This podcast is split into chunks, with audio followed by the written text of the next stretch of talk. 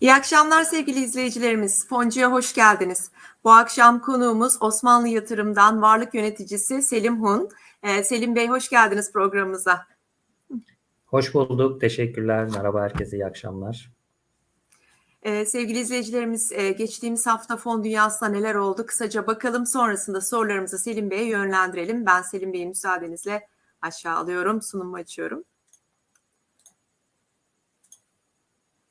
Evet e, sevgili izleyicilerimiz 27 Ocak 3 Şubat haftasını konuşuyor olacağız. Yatırım fonlarını kısaca değerlendireceğiz ama ondan önce bir geçtiğimiz hafta ekonomide neler olmuş, piyasalarda neler yaşanmış onlara özetle bir bakalım. Ee, geçen hafta e, gene FED'de faiz artışı tartışmaları devam ediyordu. Ee, işte Mart ayında artık olacağı kesinleşti ama 25 bas puan mı olur, 50 bas puan mı olur ve bunun piyasalara yansımaları nasıl olur? Ee, bunlar e, tartışıldı. E, Philadelphia Fed Başkanı'ndan bir takım yorumlar geldi. E, bütün bunların hepsini takip ediyor olduk tabii ki. E, piyasalara etkilerine de aynı zamanda baktık. E, Perşembe günü de Avrupa Merkez Bankası'nın gene faiz toplantısı vardı ve buradan e, faizler yine sabit olarak e, geldi. E, fakat e, Avrupa e, Maliye Bakanları'nın e, ve onların sözcüsü olarak da Lagarde'ın e, enflasyonun artışla ilgili endişeli oldukları, çok endişeli, endişeli olduklarına dair e, açıklamalar tabii ki piyasaları tedirgin eden e, açıklamalar olmuş oldu. E, İngiltere Merkez Bankası da e, bir faiz artışına gitti. 25 bas puanlık bir faiz artışı oldu.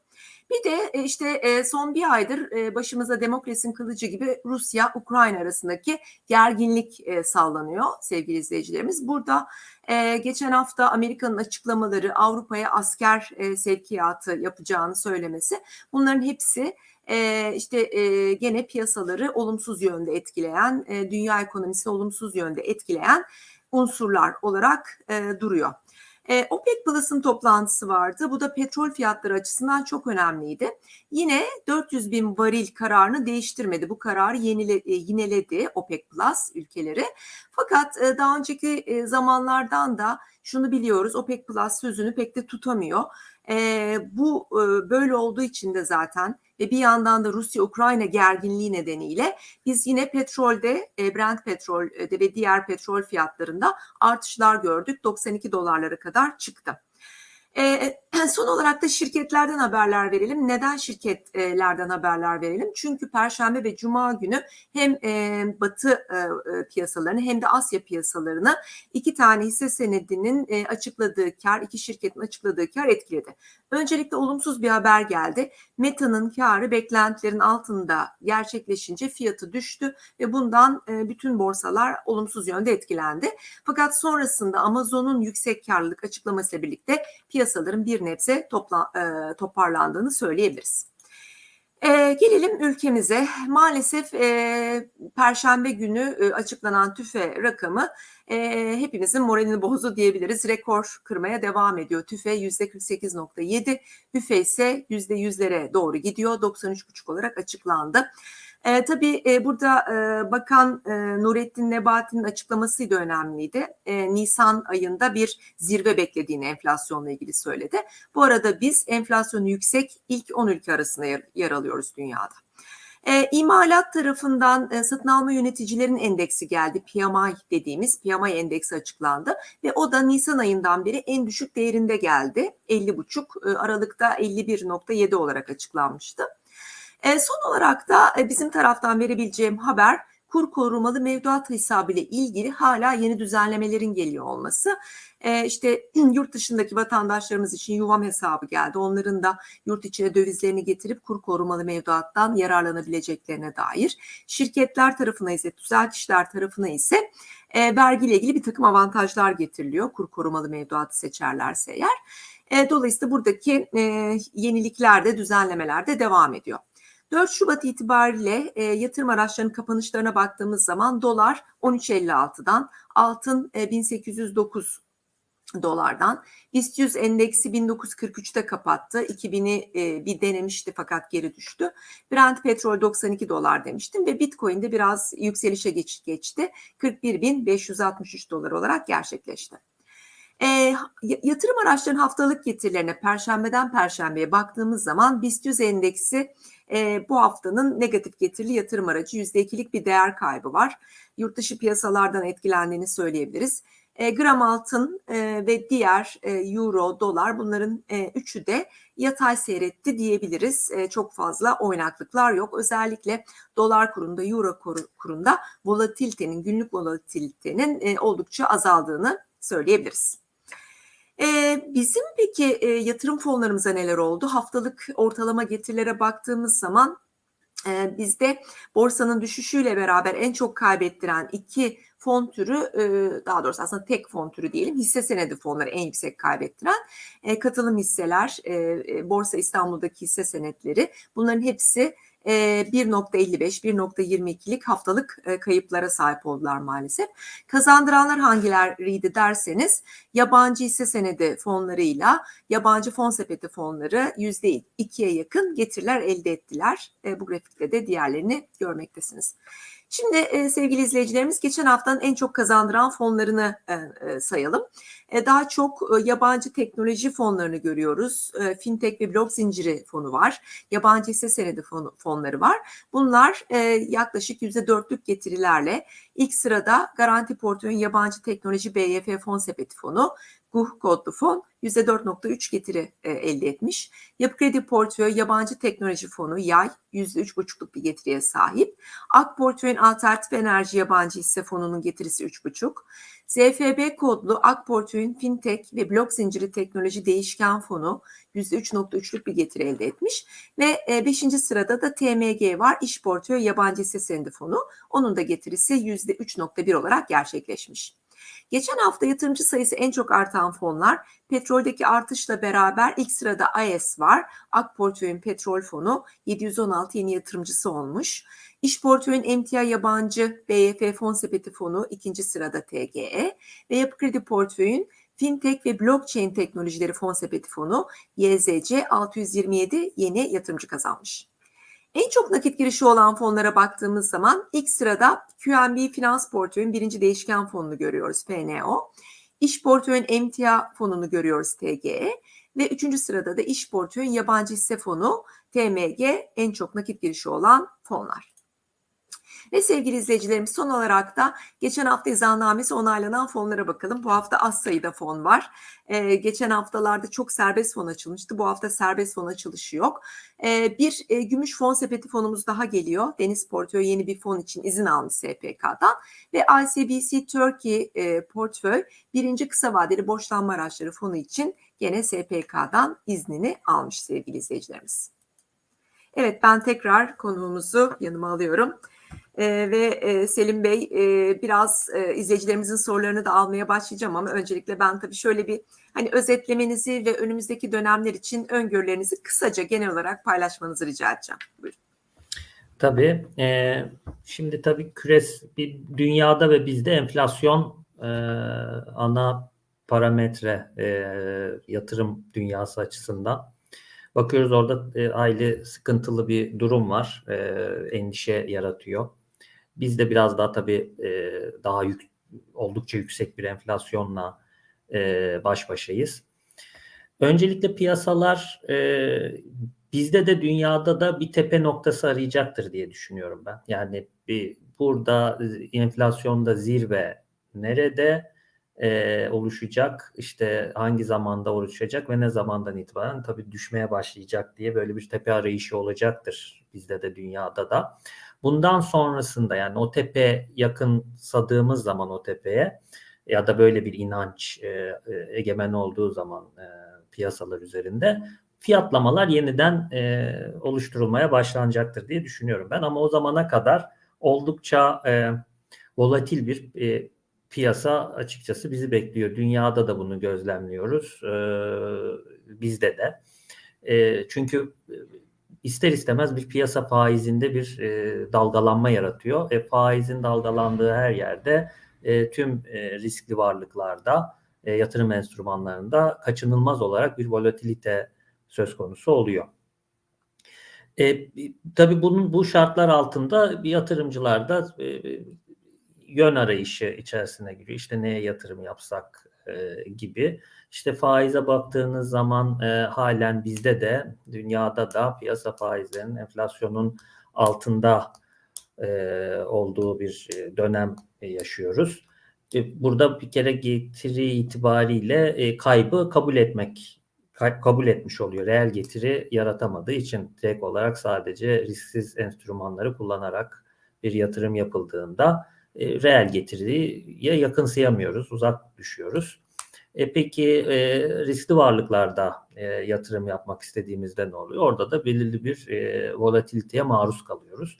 İşte e, genel çerçeve itibariyle e, şu anda içinde bulunduğumuz durum aslında aslında bu. E, bizde Nisan-Mayıs ayı gibi e, pik yapacağı yani tepe noktasına enflasyon ulaşacağı ondan sonra görece biraz daha e, düşük tempoda seyredeceği ve Kasım Aralık hat, hatta o baz etkisiyle Ocak'ta e, geri çekilmeyi enflasyonda göreceğimiz e, konuşuluyor ki ben ben de bu görüşü işte, baktığımız e, parametreler itibariyle ben bu görüşe yakın e, bir görüşteyim. E, çok da iyimser bir enflasyon verisiyle bu yılı geçirmeyeceğiz. Bu da ister istemez dediğim gibi bir volatilite yaratacak. E, buradan korunmanın çeşitli yolları var. İşte e, siz, siz de programlarınızda sıklıkla bahsediyorsunuz. E, herkesin risk toleransına uygun şekilde e, belirli bir e, riskli varlıkları da kullanarak ama bunun dozajını iyi ayarlayarak bir çeşitlendirmeyle e, bundan buna bir çözüm e, bulabilmesi mümkün olabilir. E, ben çeşitlendirmenin bu açıdan 2022 yılının e, yani tek tek bir enstrüman bazında değil ama bir çeşitlendirme yılı olacağını düşünüyorum finansal varlıklar açısından. Yatırımcılarımız da e, bu çeşitlendirme yoluyla hem e, risk toleranslarına uygun bir pozisyon alabilecekler hem de e, belirli bir şekilde enflasyon üstünde bir getiriyi sağlamaya çalışacaklardır. Peki çok teşekkür ederiz. Şimdi hemen ben izleyicilerimizin sorularına geçeyim. E, katıl üyemiz Baransel Kurçeren. E, iyi akşamlar Baransel Bey. E, Rusya-Ukrayna gerginliğini soruyor. Eğer bu gerginlik sürerse ve olası bir çatışma durumunda diyor, yerli ve yabancı hisse senedi piyasaları nasıl etkilenir? Petrol fiyatı yükselmeye devam eder mi? Çok güzel bir soru. Teşekkürler. evet yani şimdi böyle bir gerginliğin e, konuşuluyor olması bile yani herhangi bir çatışmaya dönüşmeksizin sadece varlığın varlığının hissedilmesi bile gördüğümüz gibi piyasalarda oldukça tedirgin edici bir e, noktaya işaret ediyor.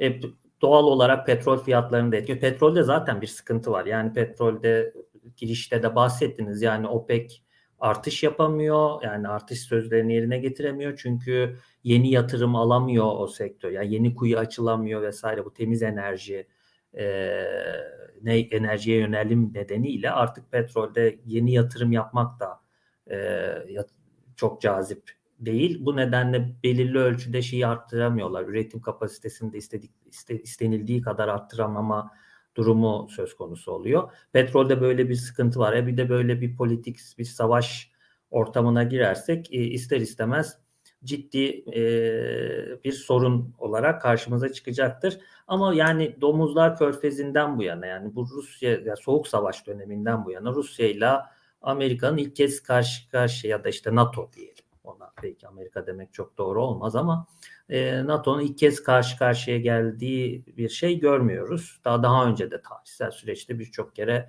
e, savaş gemilerinin limanlardan ayrıldığını, işte e, sonra yarı yolda dur, durduğunu, geri döndüğünü ve vesaire gördük. Ben burada e, mutedil olanın e, bir şekilde kendisini kabul ettireceğini düşünüyorum. Herkes kozlarını tabii masaya sürecek. Bu politika e, sert de yapılan bir iş. Yani e, geçmişte de gördüğümüz gibi işte askerler yığılır işte vesaire belirli tavizler verilir iki taraflı ve onlar tabii bizim benim konum değil yani uzmanlık alanım da değil stratejistler siyaset bilimcileri bunu iş alanındaki uzmanlar konuşuyorlardır. Ee, ancak ben bir şekilde bu meselenin çözüleceğini ama çözülürken de bir sancı, bir kan kaybı e, yaratma potansiyeli taşıdığını düşünüyorum. Yani bütün e, her şeyden bağımsız olarak e, ta, sa- yaşadığımız e, ekonomik konjonktürün yarattığı risklerden de öte böyle de bir bir sorun var yani. Ama ne ilk ne son. Yani bu böyle sorunlar e, daha önce de görüyorduk, şimdi de görmeye devam ediyoruz. E, tabii ki önemli bir risk faktörü olarak masada, petrol fiyatlarında da e, bu önemli bir, risk olarak yukarı yönlü e, fiyat artışını sağlayacak bir risk parametresi olarak o da gündemde. Duruyor.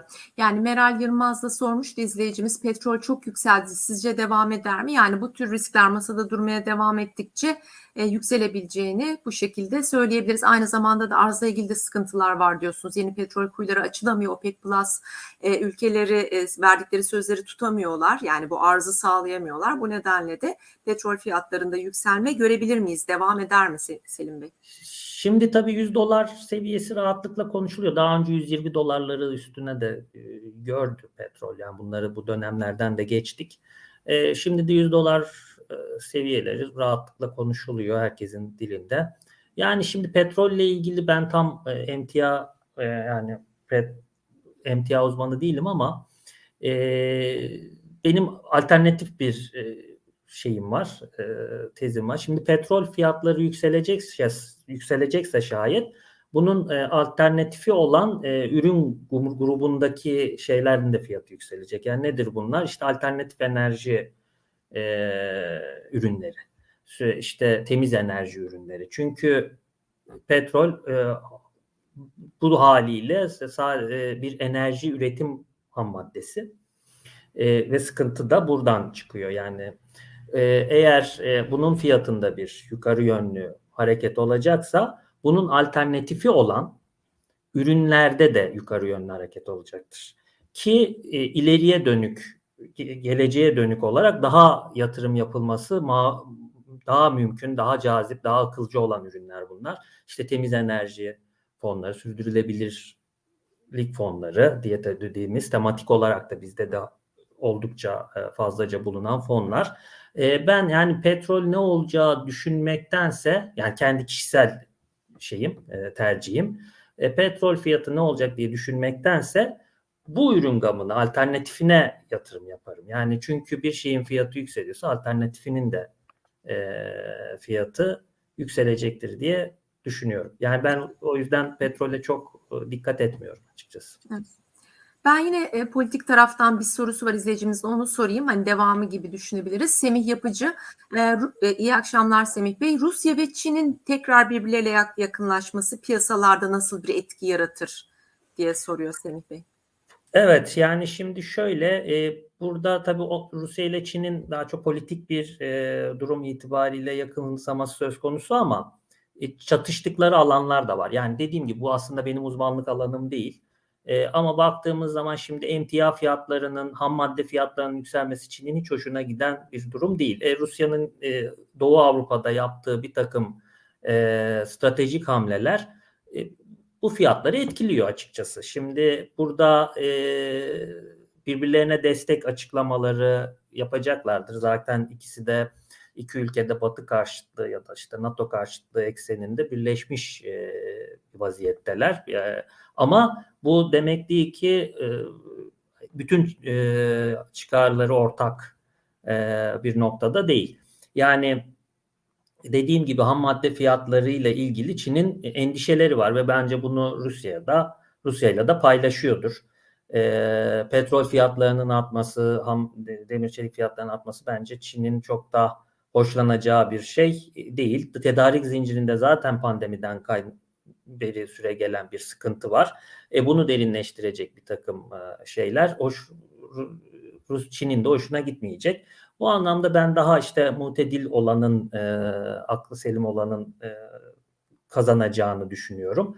Ama tabii bu aklı selime doğru giden yolda e, çukurlar, e, şeyler var yani elimizde engeller var. Bu bunlarla karşılaştıkça da piyasalar bunlara reaksiyon verecektir. Bu da doğal bir e, seyirdir. E, dediğim gibi piyasalara ben Rusya ile Çin'in yakınsa, yakınsamasının olumlu etkileyeceğini düşünüyorum. Bu ham madde fiyatları ile ilgili Çin'in Rusya'ya endişelerini e, ko- konuya ilişkin rezervlerini belirteceği için. Hı hı. Şimdi bir de e, bir e, e, izleyicimiz Volkan Bey birkaç aslında soru arka arkaya sormuş. Onun sorularından belki gidebiliriz. Buradan hareketle altın, gümüş ve petrol dışında diyor. Emtialar. Bunlar için önerebileceğiniz fonlar var mı? Altın, gümüş ve petrol dışında e, bir e, aslında e, hani fonlara baktığımız zaman e, şimdi bir anda belki aklımıza gelmeyebilir Yok ama şöyle e, var siz de bir tanesinden bahsettiniz. Yani şimdi bu en çok yatırımcı artan fonlar da vardı. TG'ydi. Yani TG. burada endüstriyel met, endüstriyel ham metallere işte ham maddeye yatırım yapan bir fon TG'ye. Bunun dışında mesela QNB Finans'ın var OTC fonu. Burada da altın ve gümüşün yanı sıra e, paladyum ve platine yatırım yapıyor bu fon. E, tabii değiştiriyor ağırlıklarını ama kıstasında da var. Yani %10, %10 paladyum ve e, platin e, kıstası olarak o endeksleri almış. Yani yeni çıktı böyle mi o, o fonda. Evet o, yeni o- çıktı. Evet yeni, o çıktı. yeni çıktı. E, Yeni sayılır. Yani bu sene içerisinde e, birkaç aylık bir fon. E, yani fon sepeti kıymet e, kıymetli me- madenler fon sepeti olarak kurulan bazı fonlar var. TG gibi işte bu fon gibi, OTC gibi. Yani bunlara bakabilir yatırımcılar. Yani aklıma iki tanesi geldi hemen. Bir tane sizin Evet. sayenizde. E, Şimdi e, böyle fonlardan bahsedince bir izleyicimiz de demiş ki e, hemen onun sorusunda yanıtlayalım Cemal Bey. E, Cemal Albayrak merhaba diyor fonlara ilk kez gireceğim. Şimdilik DTZ düşünüyorum. Ne dersiniz? Ben e, size hani fon özelinde bunu iletmeden önce e, şunu söylemek isterim Cemal Bey'e. E, Cemal Bey sadece bir tane fon düşünmemenizi tavsiye ederiz. Az evvel zaten Selim Bey de söyledi. Bir çeşitlendirme yapmak, riski dağıtabilmek için bir fon sepeti e, kendinize kurmanızı tavsiye ediyoruz. O nedenle tek bir fon düşünmeyin lütfen. Şimdi DTS dediğimiz zaman da DTZ e, yeni kurmuş olduğu dönüştürücü teknolojiler fonu. E, şimdi e, muhakkak e, bir temaya yatırım yaptığı için o temanın risklerini de barındırabilir. Dolayısıyla eğer siz böyle temalı fonlardan oluşan e, bir sepet yapmayı düşünürseniz farklı farklı temalardan fonları koyabilirsiniz. Ama tabii bu temalı fonların e, birçoğu da 6 ve 7 risk mertebesine sahip. Yani yüksek riskler bunlar. Birçoğu da kur riskine açık. Çünkü yurt dışındaki hisse senetlerine, ETF'lere yatırım yapıyorlar. Kur riskini e, çok yüksek bir düzeyde almış olursunuz. O nedenle çeşitlendirme yaparak içerisine biraz da Türk lirası e, bazlı fonlardan da koyarak işte ne bileyim bir, bir miktar belki altın fonu bile olabilir. Bu şekilde e, muhakkak riskinizi dağıtmanızı öneririz. Tabii ki getiriden biraz fedakarlık etmiş olacaksınız ama e, çok yüksek düşüşler olduğunda da sıkıntı çekmeyeceksiniz. Bizim hep buradan söylediğimiz gibi. Diyeyim. Çok kısa da olmadı ama sözü ben size vereyim. E, doğru hocam çok güzel e, açıkladınız. E, üstüne çok bir şey demeye gerek yok ama şimdi dönüştürücü teknolojiler çok, benim de e, ilgimi çeken bir konu. E, işte bunu İngilizceden güzel çevirmişler. Yani aslında yıkıcı teknolojiler diye e, çevriliyor. Yani düz bir çeviriyle yaparsın ama dönüştürücü teknoloji de güzel e, bir isim olmuş. E, onu galiba e, e, biz AK Portföy'den Ali Emrah Ustacı e, Bey'i ağırlamıştık. O zaman hikayesini de anlatmıştı. Yanlış hatırlamıyorsam hani e, ya SPK'dan yıkıcı ifadesi dönebilir diye Doğru örgüt örgüt ismi gibi olurdu. olmasın diye böyle koymuşlar. E, çok yani şey ben de beğendim. Yani şey, ilgi, ilgimi de çekiyor ama tabii burada e, şöyle bir şey var. E, yatırımcıların i- içeriğine baktığında yani biraz da içeriye bakma yani por- portföy dağılımına bakması lazım. Hangi şirketler bu? Çünkü büyük ihtimalle bazılarını bilmiyor olabilirler. Yani o şirketlerin hangi şirketler olduğunu. E, onlara da bakarak yatırımcılar tabii ki taşıyabilir ama çok güzel yeri ve yerinde ifade ettiğiniz gibi bir kur riski de taşıyan ve bir e, ağırlıklı olarak hisse e, içerecektir muhtemelen. Hisse içerecek bir fon. E, o nedenle kurda e, temayı bozmamak için e, hedge etmeyeceklerdir. Yani kurda olası aşağı yönlü riskleri de barındırdığını dikkate alarak e, yatırımcılar portföylerinde taşıyabilir.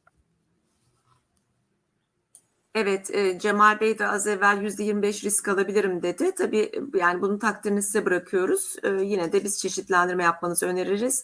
Yani 25'ten de daha yüksek e, düşüşlerde yaşanabilir. E, olası bir e, hani piyasadaki ters dönme durumunda diyelim. E, bir de e, bir şey geldi. E, ben de şimdi buradan Tefas'tan kontrol ettim. OTJ QNB'nin değil zannediyorum OYAK e, portföyünmüş. Ha, özür dilerim. Evet, Doğru, ben- pardon. ben Ben, şeyle karıştırdım. Kusura bakmayın. Doğru. Evet, evet. Doğru, doğru. Oyak portföyün bir fonu. Kusura bakmasın. Hatırladım. Evet, evet evet buradan şimdi yazmış bir tane Evet. izleyicimiz. Yani e, şeyi doğru kıymetli e, maden grubu olduğu doğru ama şeyi yanlış evet, şirket Kusura evet, bakmasın. e, fon sepeti fon olduğu da doğru. İçinde palladium platin de var Evet. E, ama bir tek e, şey port yönetim şirketi Oyak Portföyü portföy. yanlış söyledik. Evet. Evet olsun. E, şimdi e, bir sorumuz da şöyle. E, Çetin Kıratlı e, sormuş. FED'den Mart ayında 25 bas puanlık bir faiz artırımının gelmesiyle başlayacak faiz artırım döngüsünün değerli metaller için yükseliş döngüsü başlatabilir mi demiş. Altın, gümüş. Evet, şimdi şöyle yani aslına bakarsanız bu e, altın, e, gümüşün başka e, şeyleri de var yani etkileyen parametrik bazı şeyler var ama şimdi altın e, da bir para gibi değerlendirebiliriz. E, bir Amerikan doları cinsinden e, Amerikan e, dolarının değerini arttıracak bir faiz artışı altında yani e, bir aslında yukarı yönlü değil aslında ons bazında aşağı yönlü bir takım e, riskler barındırır. Ama bu zaten fiyatlanmış bir artışsa e, zaten e, beklenti paralelinde gelmiş bir artışsa bu çok da etkilemez ons fiyatını. Ama siz TL bazında bakıyorsanız altına evet Amerikan dolarının değerlen, değerlenmesi TL karşısında da değerlenmesine e, yol açar. E, TL karşısında değerlenen Amerikan doları altının ons onsunun da sonuç olarak e, TL yatırımcısıysanız e, bu kurdan kaynaklı olarak sizin altın yatırımınızın değerlenmesine e, e, değerlenmesini sağlar. Ama tek başına altın ons fiyatında ben e, dediğim gibi bu şimdi 5'e kadar 5 kereye kadar faiz artışının fiyatlandığı konuşuluyor. Yani işte dördün üstü. E, şimdi bu haliyle tabii Mart ayında yapılacak yapılması konuşulan faiz artışı şayet 0.25'in üstünde gelirse bu altın fiyatlarında biraz baskı yaratabilir ilk başta. Ee, ben ama e, dediğim gibi altında daha çok e, kendi kişisel şeylerimde hiç amaçlı kullanıyorum. Yani hisse taşı, taşıyorsam ters korelasyon nedeniyle altında bulundurabiliyorum ya da döviz e, ayağını TL bir yatırımın döviz ayağını kurmak için altını kullanabiliyoruz. Ee, ama dediğim gibi bu e, faiz artışlarının çok konuşulduğu bir yerde e, altında dalgalanma yaratacaktır altın fiyatında. Ta ki dediğim gibi bu enflasyonda artık tepe görüldü. İşte artık FED acı eşiğini ne geldik. Daha fazla faiz arttıramayacağına yakınsayan bir noktadayız. Yani hep ilerideki bir dönem şeyi fiyatladığı için piyasa. Yani işte daha artık fiyatlar artmaz. Yani şurada da bir faiz arttırım yapar. Ondan sonra bir daha yapmaz diye düşünülmeye başlandığı noktada e, altında ben e, yukarı yönlü hareketlerin daha sağlıklı görüleceğini e, tahminliyorum. Evet.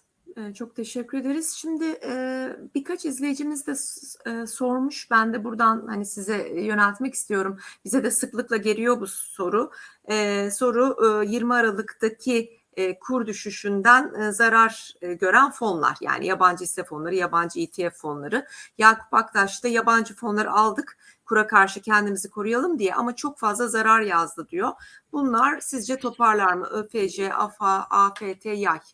Evet yani şimdi şöyle bir söz vereyim ama o 20 Aralık durumu çok bambaşka bir durum. Yani orada siz TL'de e, hissede olsanız da e, amiyane tabirle dayak yemiş olurdunuz. TL faizdeyseniz daha önceden zaten sopayı yiyip gelmişsinizdir. Yani enflasyon e, işte enflasyon karşısında reel getiri sağlayamamışsınızdır. Zaten orada bir, bir de kurdan kaynaklı olarak e, TL'de kaldığınız için kendinizi cezalanmış gibi ce- cezalandırılmış gibi hissetmiş olmalı, ol- olabilirsiniz. E, dolara karşı kendimizi koruyalım diye girdiğiniz fonlarda da evet 20 Aralık'ta daha doğrusu yani 20 Aralık tam 20 Aralık'a geldiğimiz süreçte ve 20 Aralık'ta e, itibariyle dayak yememiş bir enstrüman açıkçası yok. Yani bu içinizi rahatlatır mı bilmiyorum ama yani sadece o fonlarda kalanlar değil hemen hemen bütün yatırım fonlarında e, faizli fonlar hariç çünkü onlar daha önceden beri sopayı yiyerek geliyorlardı. E, bü- bütün hepsinde bir e, değer kaybı ya- yaşandı. Benim yani buradan şunu söylemek istiyorum. Şey olarak e, bir e, bir e, yatırım grubunda zarara uğradığınızda ancak o zararı gene aynı ya da aynı risk kategorisindeki e, enstrümanla telafi edebiliyorsunuz. Şimdi siz e, işte yurt dışı fonlarda şayet e, zarar gördüyseniz buradaki kayıp büyük olduğu için yani bu kaybı faizli ürünlerle daha e, işte stabil e, yatırım enstrümanlarıyla telafi etmeniz çok zor. Neyle telafi edersiniz? Aynı risk kategorisindeki ya yerli ise ya işte gene aynı e, durumdaki yabancı ise ya da işte alt emtia sınıfı. Yani ancak bu risk kategorisindeki yatırım enstrümanlarıyla bu zararı telafi edebilirsiniz. Yani bu- bunu söyleyeyim. Yani ama tabii 2022 yılı e, yabancı e, borsalar açısından da çok öyle e, şey olmayacak. Yani böyle uzun bir süredir devam eden aralıksız işte boğa piyasası böyle bir teviye yükseliş hareketi 2022 yılında göremeyebiliriz. Dalgalı bir seyir olur. Ben çok karamsar değilim yani böyle e, çok e, işte aralıksız bir düşüş periyodu falan e, beklemiyorum ama bakın işte bunu zaten test ettik bu hafta. Çok güzel bir e, şey oldu. Yani örnek açısından güzel oldu. İşte Meta hissesi Facebook e, beklenti e, paralelinde olmayan işte e, kötü bir bilanço açıkladı. Hemen borsa büyük bir satış dalgası yedi. Hemen ertesi günü işte Amazon çok iyi ülke bilançosu ülke e, şeyi bütçesi gibi bir bilanço açıkladı. Hemen e, yukarı yönlü bir hareket gördük. Yani bunları göreceğiz. Yani biz aslında e, hisse bazlı, sektör bazlı burada da yani Türkiye'de de yurt dışında da aslında e, sektör ve hisse bazlı hareketler göreceğiz. E, yatırımcının kaybı için zaten çok yatırımcı e, kayıp yaşadı o, o, o dönemde. E, çok üzgünüm ama dediğim gibi ancak aynı sınıftaki, aynı risk kategorisindeki e, yatırım enstrümanlarıyla o zararın telafi edileceğini düşünüyorum. Belki e, burada hani benim gördüğüm kadarıyla biraz daha teknoloji e, ağırlıklı fonlar var. Belki başka sektörlerden e, işte daha geleceği olacağını düşün e, olacağı düşünülen sektörlerden belki fonlarla gene yüksek risk. Yani full evet full marj bir teknoloji sektörüne yatırım yapmaya gerek yok. Yani tamam en iyi getiriyi onlar geçmiş dönemde sağladı. Gene kab- kabiliyetleri de var. Ama dediğim gibi ben yani gerçek anlamıyla çeşitlendirmenin esas olacağı bir e, yıl yaşayacağımızı e, düşünüyorum. Yani burada Ben buradan Evet, çok yani dikkat yatırım ya, estağfurullah. Yatırımcılar bunu bu, bunu ciddi olarak e, değerlendirmeye almalı. Yani sırf tek bir sektör, tek bir tarz hisse fon grubu ya da enstrüman grubuna değil. Dediğiniz çok doğru. Farklı sektörlerden e, fonlara da portföylerinde yer Ben hemen burada birkaç tane sektör soracağım Selim Bey. Mesela e, Burak Bey, Burak A. Elektrikli araçlar sektörünün yakın orta vadede geleceğini nasıl öngörüyorsunuz? E, ciddi sayıda kişi çıkış yaptı son haftalarda demiş Burak Bey. Bir onu soracağım elektrikli araçları. Tabii şimdi piyasada bu fiya- hisse fiyatlarının çok e, yükseldiğine ilişkin e, bir şey var. E, elektrikli araçlarla ilgili üretim yapan e, firma hisselerinin ya da işte burada bir e, işte bazı yatır Amerika'da ciddi bir takım spekülatör kötü anlamıyla değil yani işte yatırımcı anlamıyla e, işlem yapan kişilerin işte uzun süredir Tesla shortlaması vesaire gibi şeyler konuşuluyor. Bunlar hep e, sosyal medyada da şey yapıyor. E, şimdi elektrikli araçlar e, aslında bir otomotiv e, fonu ol, oldu. Yani artık petrol e, temel, benzin temelli e, bir e, otomobil üretimi göremeyeceğiz yakın zamanda. Bütün ara, e, şeyler e, firmalar, araç firmalar artık elektrikli üretime geçiyor. Yani e, burada yatırımcılar genellikle sadece işte bir grubu anlıyor. Tesla'yı falan e, akıllarına getiriyor ister istemez elektrikli araçlarda ama Volkswagen de yani çok ciddi yani Tesla'dan çok daha büyük bir ele, yani elektrikli araç üreticisi ol, oldu. Daha öbürleri de oluyor, olacak. Yani e, bu açıdan bir otomotiv e, fonu gibi bakmaya başladım ben artık bu fona. Yani elektrikli araçlar fonu değil. Zaten tüm araçlar artık elektrikli olacak ise bu bir otomotiv fonu. E, bu açıdan e, ben hala yatırım yapılabilir, e, portföyde tutulabilir diye e, düşünüyorum. Ancak dediğim gibi yani oldukça volatil bir e, 2022 yaşayacağız. Şimdi önceden e, bilançoları tahmin etmek, gelecek verileri tahmin etmek güç. E, onları da fiyatlayacaklardır. E, işte bir çip krizi var vesaire. E, bunlar da var. Buna ilişkin de fonlar var bu arada. Ben e, bu mecrada e, farklı tipte çalışacak e, bir grup fonun da portföyde yer alabileceğini düşünüyorum. E, öyle diyeyim yani bu şekilde cevap vereyim. Peki Selim Bey sağlık sektörü hakkında ne düşünüyorsunuz? Sağlık fonları hakkında. Şimdi tabii bu omikronla beraber epeyce bir aslında işte Covid'in etkisinin azaldığı da söyleniyor. Acaba sağlık sektörü revaçtan düşer mi? E, 2022 yılında bir kere biz 2021 yılında yaşanan tablonun bir e, ma sonucunu göreceğiz, resmini göreceğiz. Yani ne, neden bahsediyorum? İşte bir bilançolar gelecek. İşte sağlık sektörünün de bilançoları gelecek. 2021 yılındaki operasyonel e, gelirleri bilançolara da görmeye başladığımızda ben sağlık sektöründe de e, iyi sonuçlar göreceğimizi düşünüyorum. Ama tabii burada o, ta, o fonların sadece Türkiye'de değil yabancı e, yurt dışında da bir takım hisseli yatırımları var. Yani geniş bir yelpazede olduğunu düşünürsek e, dikkat edilmesi gerekir. Yani e, dediğim gibi ama 2022 yılının 2022 yılında ben e, çok öyle revaçtan hızlı bir şekilde e, sektörün düşeceğini zannetmiyorum açıkçası. Evet. Burada zaten e, sadece hani e, işte ilaç şirketleri değil aynı zamanda sağlık, biyoteknoloji ile ilgili evet. de şirketler olduğu için evet. belki o taraf hani önleyici sağlık e, sistemleriyle evet, ilgili şirketler evet. bunların hepsi e, gene aslında e, gündemi meşgul ediyor olabilirler. O anlamda da yüksek değerlemeler olabilir burada. Evet, evet, aynen. Hı hı. Evet Volkan Bey'in sorusunu böylelikle yanıtlamış olalım. Şimdi ben sizi iki dakika dinlendireyim isterseniz hemen bir anons yapayım. Sevgili izleyicilerimiz biz aslında dün akşam bir e, temel yatırım fonları eğitimi yapacaktık. E, bununla ilgili işte duyurularımızı da yapmıştık falan ama bir e, sağlık problemi nedeniyle e, eğitimimizi gerçekleştiremedik ve ertelemek durumunda kaldık. E, burada izleyicilerimizden varsa eğer e, eğitimimize e, katılmak istemiş olanlar e, kendilerinden de özür diliyoruz. E, 19 Şubat'ta eğitimimizi yapacağız. E, bunu da buradan haberini vermiş oldum şimdiden. E, şimdi e, Selim Bey ben biraz da çok yurt dışı yurt dışı konuştuk. E, bizim tarafa geleyim. E, Nurullah Aksu ilk soru soran e, izleyicilerimizdendi.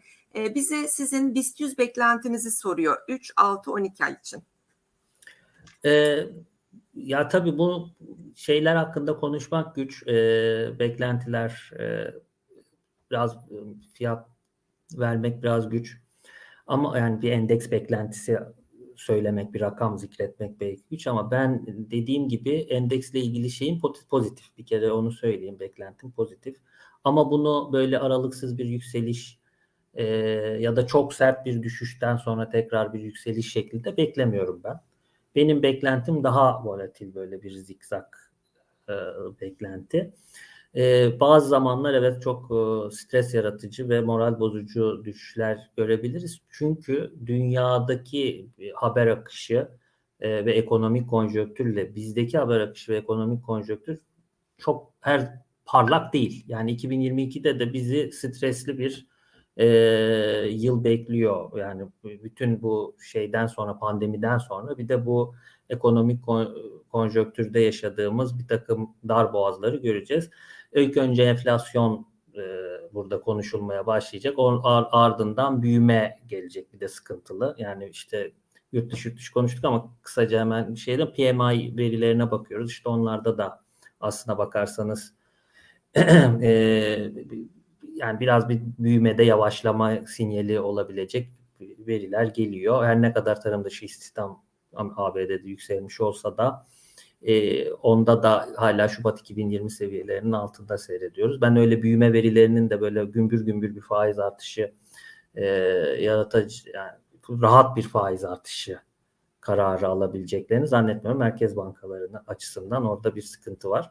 Bu aynı durum bizde de var. Yani tamam Nisan-Mayıs ayına kadar %50 bir %50-55'lerin zikredildiği bir enflasyonu yaşadıktan sonra e, enflasyonda kısmi bir geri çekilme görsek de ekonomik aktivitenin tam olarak nasıl e, şekilleneceğini, nasıl işleyeceğini e, takip edeceğiz. Yani burada bu nedenle tüm bu anlattığım e, ekonomik konjonktür ciddi bir hisse senedi piyasasında dalgalanma yaratacak.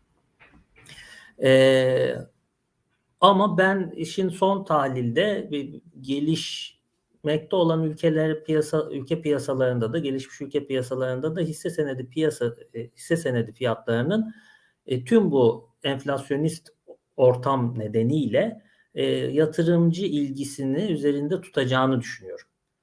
Yani fiyat ve endeks seviyesi vermeyeyim ama ben e, Hazi Haziran'a Mart'a kadar dalgalı. Mart-Haziran arasında biraz daha yatay iyileşmiş. Haziran-Eylül arasında e, biraz top, daha yukarı yönlü toparlamayı yapmış bir endeks görebiliriz diye tahmin ediyorum açıkçası.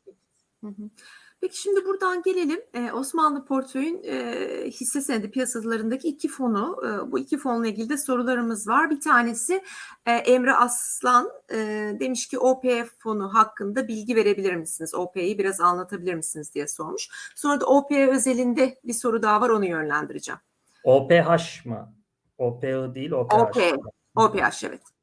E, OPH fonu bir e, tabii e, hisse senedi fonu olarak e, ağırlık ağırlıklı yatırımını BIST 100 içerisinde yapan BIST 100'e yapan bir yatırım e, fonu. Burada e, temel e, şeyi e, temettü verimliliği ve getiri temettü verimliliği yüksek hisseleri temel alsa da aslında e, teknik olarak ya da bilanço beklentileri itibariyle e, başarılı bulacağı gelecekteki performansının iyi olacağını düşün, düşündüğü hisse senetlerine yatırım yapan e, bir fon. Yani geçmiş dönem itibariyle de düştüğünü ben ispat ettiğini düşünüyorum belirli ölçüde. Yani bir endeks e, teki yükselişin üstünde yükselişi e, gösterdiği göstermiş bir fon. Bu açıdan e, yatırımcılar portföylerinde hisse senedi e, ağırlığının göz önünde bulundurarak risk toleranslarına göre yer verebilirler. Evet. Peki e, biraz daha detay soracağım ama tabii hani bilemiyorum siz fonun yöneticisi olmadığınız için Hı-hı. hani cevaplamaya da bilirsiniz. Gökhan ikinci sormuş. E, OPH fonundaki perakende firmaların yüzdesini arttırmayı düşünüyor musunuz? Demiş. Yani şimdi buna cevap vermem mümkün değil. Şimdi o fon yöneticisinin tabii evet. karar ver, vereceği bir şey. Evet. Ya pot, şöyle yani o dediğim gibi potansiyel taşıyan taşıdığına inandıkları sektörlerde e, SPK'nın koyduğu işte rezervlere tabi olarak e, çekinmeden artış yapabiliyor yani fon yöneticisi. Ama tabii burada onun yerine konuşup işte şu sektöre girmeyi planlıyoruz falan gibi bir şey söyleyecek durumda değilim ne yazık ki. Doğru tabii. Ee, bir de OPO ile ilgili bir soru var. Gene bizim katıl üyemiz Hüseyin Bey'in sorusu. Ee, Osmanlı Menkul OPI fonunun özellikle temettü hisselerine yatırım yaptığını biliyoruz demiş. Bunu size anlatmışsınız zaten geçen Hı-hı. programda. Bu fonu diyor temettü ödeyen bir fon haline getirmeyi düşünürler mi? Aynı işte Azimut'un GSP'si var ya tek bir tane fonumuz var kar payı ödeyen. Acaba siz de OPI'yi böyle bir fon haline getirir misiniz? Ee, orada bir takım sorunlar var. Yani şimdi tabii ki nakit akışı yaratması itibariyle mesela 6 ayda bir e, daha önce bir at, at, ata portföyle de yaptık. Onların da sanırım böyle bir fon e, kurma düşünceleri var. Aynı Azimut portföyün e, temettü ödeyen fonu gibi. E, burada bazı sorunlar var. Şimdi temettüyü ödedikten sonra fonun fiyatındaki düşüş bir getiri kaybı gibi yansıyor. Biz bunu GSP'de de görüyoruz. Yani Azimut'un e, benzer fonunda. Bununla ilgili bir düzenleme yapılırsa yani e, şayet bunun bir getirdiği kaybı gibi değil, e, fiyat düşüşü gibi değil, e, işte aslında bir ödemeye mukabilinde yapılmış bir şey e, ve burada bir e, getiride düzeltme e, yapılırsa yani belki e, portföy yönetim e, şirketimiz bunu değerlendirebilir. E, dediğim gibi aslında nakit akışı yaratması güzel ve vergisiz olarak e, bunu yatırımcılarına yansıtıyor. Normalde biliyorsunuz e, temettü ödemesi bir vergi konusu. Yani bir vergi kesintisine konu. Ama fondan yapılmış bir temettü ödemesi yatırımcılara e, bir vergi kesintisi yapılmadan yapılıyor. Bu fonun bünyesine girip önce sonra da yatırımcılara ödendiği için. E, bu anlamda güzel. Nakit akışı yaratması da güzel ama getiri ve performans ölçülmesi itibariyle bazı sorunlar var yani orada.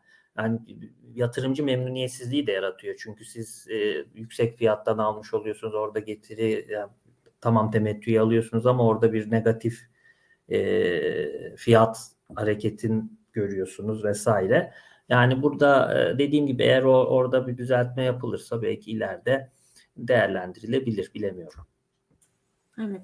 Şimdi e, Hakan Terlioğlu da demiş ki uzun vade için temettü fonlarından aldığımızda şirketlerin verdiği temettü fona nasıl yansır? Uzun vade için temettü fon tavsiye eder misiniz? Teşekkürler. Hakan Bey e, hisse senedi e, fonu aldığınız zaman e, hisse içindeki hisse senetleri temettü dağıttığında fon yöneticisi bunu bizim adımıza e, alır, toplar ve tekrar fonun içine yatırır. Dolayısıyla e, bu temettü bizim adımıza değerlendirilmiş olur. Tekrar ya gider aynı hisse senedinden alır ya da başka hisse senetlerinden alır.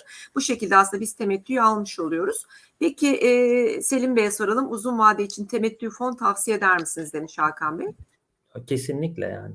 Yani kesinlikle tavsiye ederim. Zaten bu bir e, uzun vadeli ciddi bir yatırım e, stratejisidir. Yani baktığınız zaman yurt dışında gelişmiş ülkelerde e, yatırım çok büyük ağırlığı böyle yapılıyor. Yani hatta fiyattan bağımsız ben hisse alındığını şuna şahit oluyorum. Yani hiç fiyata bakma biz her zaman bunu alıyoruz. Bundan alalım. İşte niye temettüsü çok iyi, şirket iyi. İşte alalım. Bu, bu, ben çalışmaya başladığımdan beri bunu alıyorum diyen e, bir yatırımcı grubu var.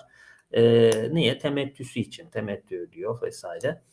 E, ben işte ileride Türkiye'de de işte bu e, işte temettü oranlarının ciddileşmesi, şirket karlarının büyümesi, büyük yani şirketlerin büyümesinin paralelinde karların artışıyla e, yatırımcılara ödenecek temettülerin daha da ciddi hale geleceğini, işte burada belki olası ileriki dönemlerde vergi düzenlemeleriyle de bunun daha da cazip şirketler açısından ve alan e, yatırımcılar açısından daha da cazip hale geldiğinde bunun e, çok daha büyüyeceğini bu yatırım e, tercihinin düşünüyorum.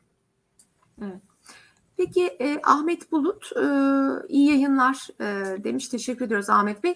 E, temettü 25 endeksi fonları gibi düzenli temettü veren yabancı şirketlere yatırım yapabileceğim fonlar var mıdır diye sormuş. Maalesef Ahmet Bey e, yani Türkiye'de kurulu e, yurt dışında temettü ödeyen şirketlere yatırım yapan ve bunların temettülerini de nakit olarak bize ödeyen bir fon yok. E, yabancı hisse senedi fonlarımız var, fon sepeti fonlarımız var. Bunlar evet e, bu temettüleri alıyorlar, tekrar fonun içinde değerlendiriyorlar. Böyle çok sayıda fonumuz var. E, ama e, yani bunun hani bir nakit girişi elde etmek dışında temettüden başka herhangi bir dezavantajı yok diğerine nazaran. Dolayısıyla yabancı hisse senedi fonlarına bakabilirsiniz bu anlamda. Temettü ödeyen şirketlere yatırım yapıyorlar e, diye ben e, böylelikle sizi biraz dinlendirmiş olayım. Ben sorayım. E, soruyu cevaplayayım. E, Hadi sağ olun. E, şimdi bir, bir soru daha soracağım. Metin Al- Alın sorusu. Faizlerin hangi aydan itibaren düşmesini bekliyorsunuz demiş. Merkez Bankası'nın yıl sonu %23 hedefini gerçekçi buluyor musunuz diye sormuş Metin Bey. E, şimdi tabii enflasyon düşmeden piyasada oluşmuş faiz oranlarının geriye çekilmesi biraz daha güç. E, bunun yani e, şey e, yani Merkez Bankası para politikasının araçlarını görece devreden çıkarttığı için e, biraz daha enflasyonla mücadelede zorlu bir süreç olacaktır. E, yani ben biraz daha e, yüksek olacağını düşünüyorum. Yani Merkez Bankası tahmininin ben daha biraz daha sapmış bir e, enflasyon verisi görebiliriz. Belki Ocak'tan sonra e, baz etkisinin de e, desteğiyle e, o seviyeler görülebilir. Ama yıl sonunda yakalanabilir mi? Çok emin değilim bu konuda. Faiz oranları da dediğim gibi enflasyon, yani piyasada oluşmuş faiz oranları enflasyonda ciddi bir düşüş olmadan e, geriye çekilmez diye düşünüyorum. Ama tabii burada yan ürünlerin başarısı ve performansı da etkili olacaktır. Şayet işte bu kur korumalı mevduat gibi ürünler e, cazibesini korur ise yani önümüzdeki aylarda da insanlar bu e, opsiyon aldıkları için daha düşük faizlere görece daha e, mutedil yaklaşabilirler. Daha ikna olmuş şekilde yatırım yapabilirler. E, çünkü bir opsiyon var sonuçta şey e, ama e, %14-17 bandında verdiğiniz bir faizle şayet uzunca bir sürede kurda bir kurdan kaynaklı bir fark alamazsa yatırımcılar %50 enflasyonun olduğu bir e, yerde e, ne derece ne kadar daha kalırlar onu da bilemiyorum yani açıkçası. Hı hı. Ee, Hüseyin Bey e, demiş ki küçük yatırımcıların yatırım danışmanları var mı? Varsa nasıl hizmet alabiliriz? Ayrıyeten ücret mi ödeyeceğiz danışmanlık için demiş. Danışmanlıkları telefon yo- yolu ile mi alıyoruz, yüz yüze mi diye sormuş. Ee, aslında Osmanlı Yatırım'dan bu hizmeti alabiliyorsunuz değil mi e, Selim Bey? Ben Evet evet yani bir ba- şeyden bağımsız olarak e, bir de yani şirket politikası gereği e, telefonla e, tam olarak bir danışmanlık e, gibi değil ama ürün bilgisi anlamında e, yardımcı olunuyor. 25 bin TL üstü bir e, bakiyeniz varsa da bir danışman e, size atanıyor. Buradan siz telefonla e, çeşitli yönlendirmeleri alabiliyorsunuz biz bizim e, şirketimizde. Hı hı, evet. Ee, Biz e, açıklama kısmına, videonun açıklama kısmına Osmanlı Yatırım'ın e, linkini de koyduk zaten. İsterseniz oradan da bakabilirsiniz e, Hüseyin Bey. Şimdi Gökçer Belgüsen'in sorusuna geleceğim. Devlet tahvillerine ağırlıkla yatırım yapan fonları bu dönemde risksiz veya orta riskli yatırım aracı olarak düşünebilir miyiz demiş Gökçer Bey. Şimdi burada tabii vade e, durumu var. Yani devlet tahvillerine kalan vade, yani vadeye kalan gün sayısı şayet uzunsa, yani orta ve daha doğrusu şöyle diyeyim, orta ve uzun vadeli e, borçlanma araçları fonları ise burada tabii volatilite bazen hisse piya- piyasasındaki volatiliteyi aratmıyor. Yani burada faizdeki dalgalanma e, tahvil fiyatlarında e, çok sert hareketlere sebebiyet verdiği için bu fonların risksiz olarak tanımlanması zaten mümkün değil.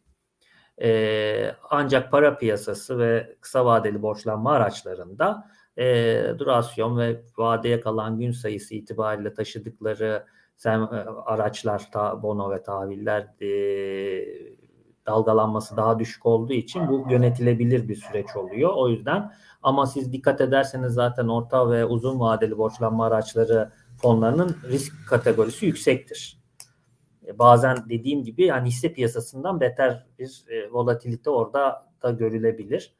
E, ama dediğim gibi şey olarak faizli bir ürün olarak portföyde taşınabilir TL bazlı.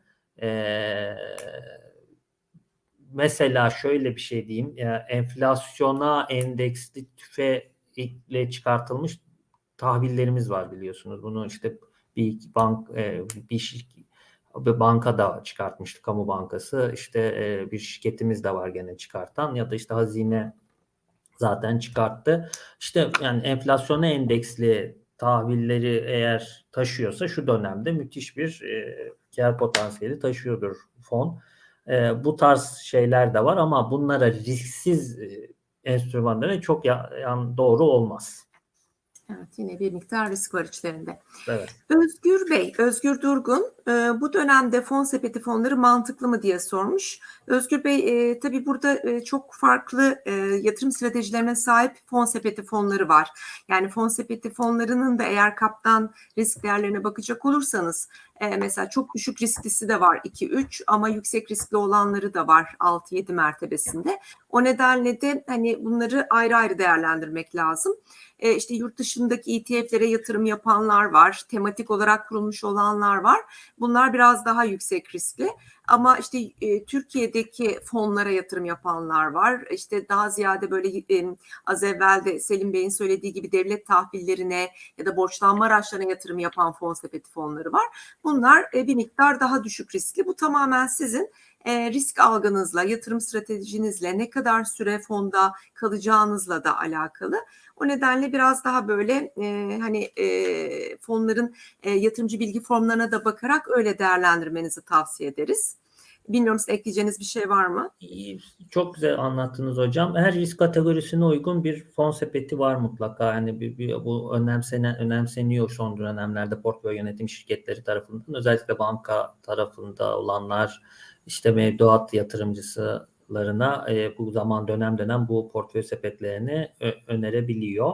Hepsinin içindeki enstrüman ağırlığı başka ve risk kategorisi de başka. Bir de e, tekrardan belirtmek gerekir yabancı ibaresi yoksa bu fonlarda eee, vergi avantajı da devam ediyor. Yani %10 stopajda ödemiyorsunuz. Şayet döviz ya da yabancı ibaresi taşımayan bir fon sepeti fonuysa eee, vergi avantajına da sahip olarak bu yatırımı yapabiliyorsunuz. Onu ekleyeyim sadece. Şimdi stopaj deyince stopaj avantajı İsmail Tüysüz'de altın ve gümüş fonlarında stopajsız fonlar var mıdır demiş. Altın ve gümüş fonları da bildiğim kadarıyla stopajdan muaf değil mi? E, aynen hocam. Yani orada da e, şu anda stopaj yok. E, fon sepeti fonu olarak kıymetli madenler fon sepeti fonu olarak kurulanlarda da yok. Dediğim gibi yabancı ibaresi yoksa e, böyle bir e, vergi yok. İşte düz altın fonu ve gümüş fonları da vergi e, muafiyeti kapsamında şu anda. Evet. Ufuk Köse, bu değişik bir soru. Yönetim ücretiyle alakalı. Fon uzun vadede diyor 10 yıl gibi taşındığı zaman portföyün ciddi bir kısmı yönetim ücretine gidecek. Hele ki bazı yıllar zarar ederse totalde portföyün yarısı gidere kesilecek. Değerlendirme yapar mısınız demiş. Bu yarısı biraz fazla e, bir şey olmuş ama e, ben. şimdi şöyle e, düşünelim. Yani siz bu enstrümanla mesela ne, ne hangi enstrümana yaptığınıza bakalım. Ee, ÖST fonu aldınız. Fonu alıyorsunuz. Şimdi onlarda biraz daha düşük tabii. Rekabetçi de bir yapı var. Yap, yönetim gider ücretleri düşük. Siz o ÖST'leri kendiniz alabilecek misiniz mesela yatırımcı olarak? Yani or, orada oraya yatırım yapabilecek misiniz? Hisse genellikle hisse yatırımı için sorarlar bu soruyu. Hisse alım satımının da bir maliyeti var yani. Alım satım komisyonu var. Ee, ya da o, o çeşitlendirmeyi, o hisse senedi fonundaki çeşitlendirmeyi yapabilecek misiniz? Ee, o fiyat seviyeleri ve o maliyetleri koruyabilecek misiniz? Yurt dışını saymıyorum bile. Yurt dışında işlem maliyetleri çok daha yüksek. Yani o maliyetleri koruyarak yapabilecekseniz, o çeşitlendirmeyi sağlayabilecekseniz zaten fon yapmayın. Evet. Yani alın. Yani siz o e, 20 tane ÖST, 20 tane tahvil birden değişik vadelerde, değişik durasyonlarda tahvil alabiliyorsanız zaten buyurun. Yani o fona gerek yok. Siz yapabiliyorsunuz. Ya da o çeşitlendirme, o stratejik dağılımı e, o maliyetlerle yurt dışı ya da yurt içi hisse fonlarında yani yapabildiği gibi e, yapabiliyorsanız evet onda da yani şey yok. Ama dediğim gibi maliyet dediğiniz şey sadece fona özgü bir şey değil. Yani siz bireysel olarak da yatırım yaparken çeşitli maliyetlere katlanarak yapıyorsunuz. He bu tartışılır. Şimdi fon e, topyekün e, yani top, topyekün bir düşüş sürecinde tabii yani yıllara sağ 10 sene taşıdığınız e, çok ciddi satış dönemine denk geldi. Burada tabii zarar etmeniz gayet tabii yani orada ama e, siz hisse senedi alarak olarak alsaydınız da gene e, böyle bir zarara uğrayacaktınız muhtemelen.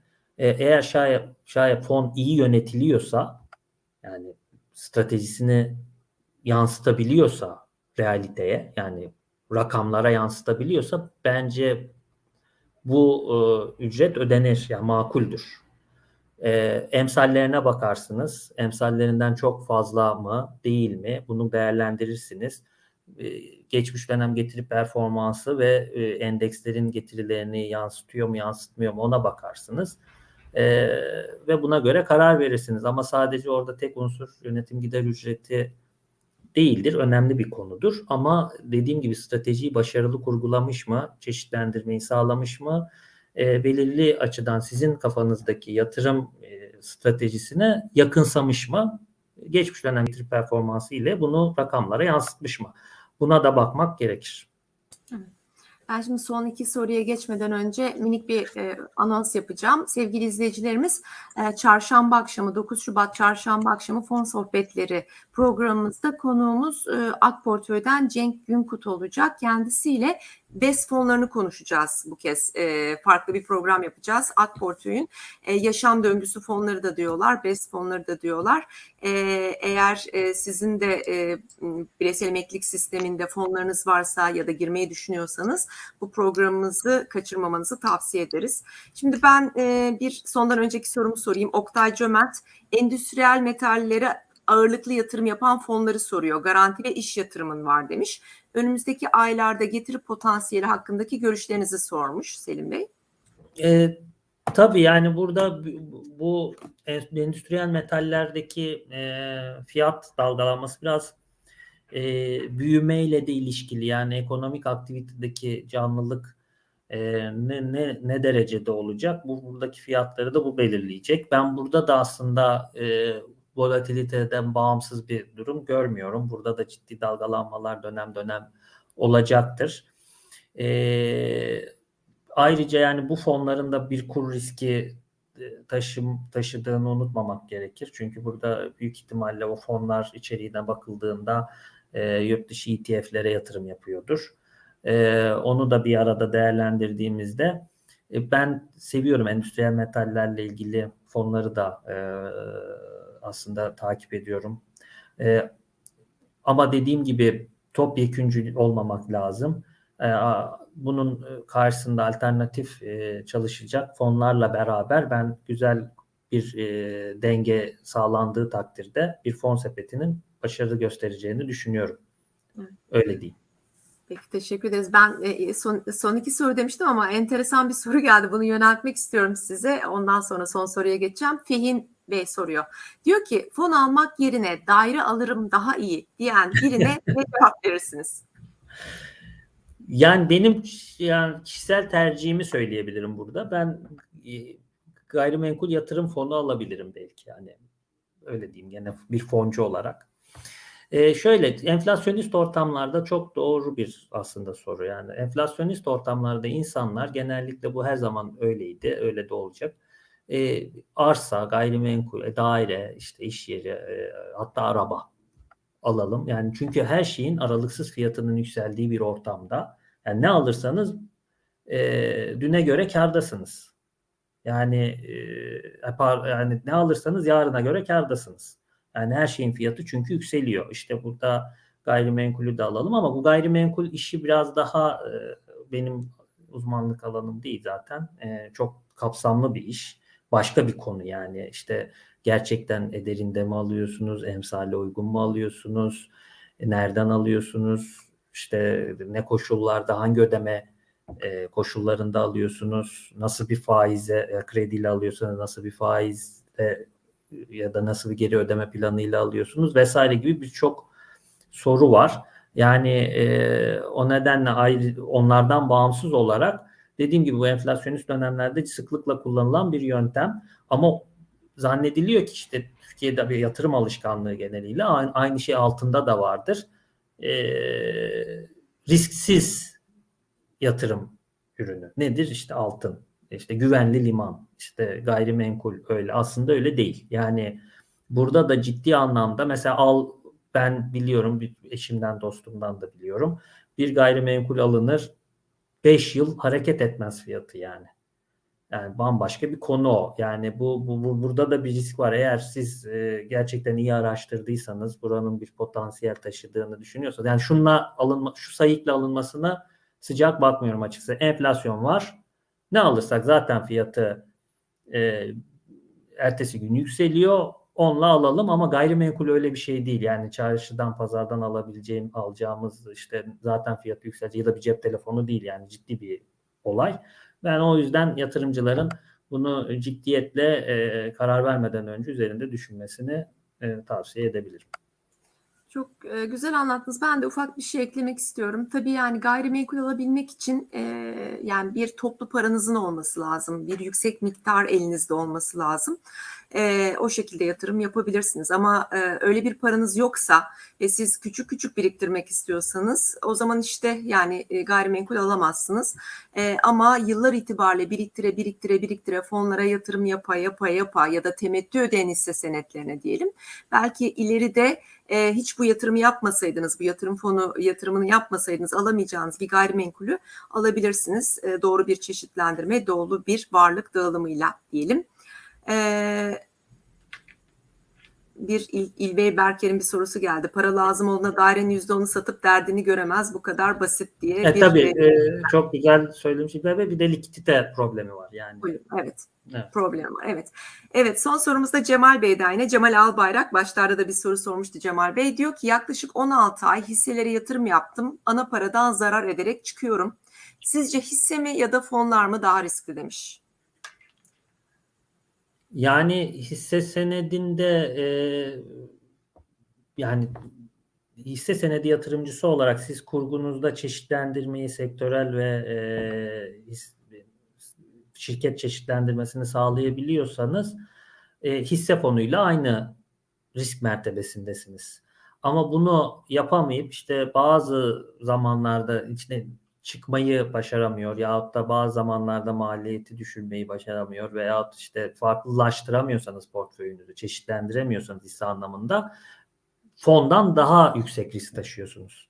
Çünkü yatırım fonları çeşitlendirme esaslı e, kurulur. E, içeriğine baktığınız zaman yani en az 10 tane e, hisse senedi taşıyacak. Bunları zaman zaman değiştirecek. Zaman zaman e, ağırlıklarını arttıracak ya da azaltacak. Siz bunu ben şahsi olarak iyi yapıyorum, beceriyorum diyorsanız zaten evet ama en iyi ihtimalle fonla eşit risk durumundasınız.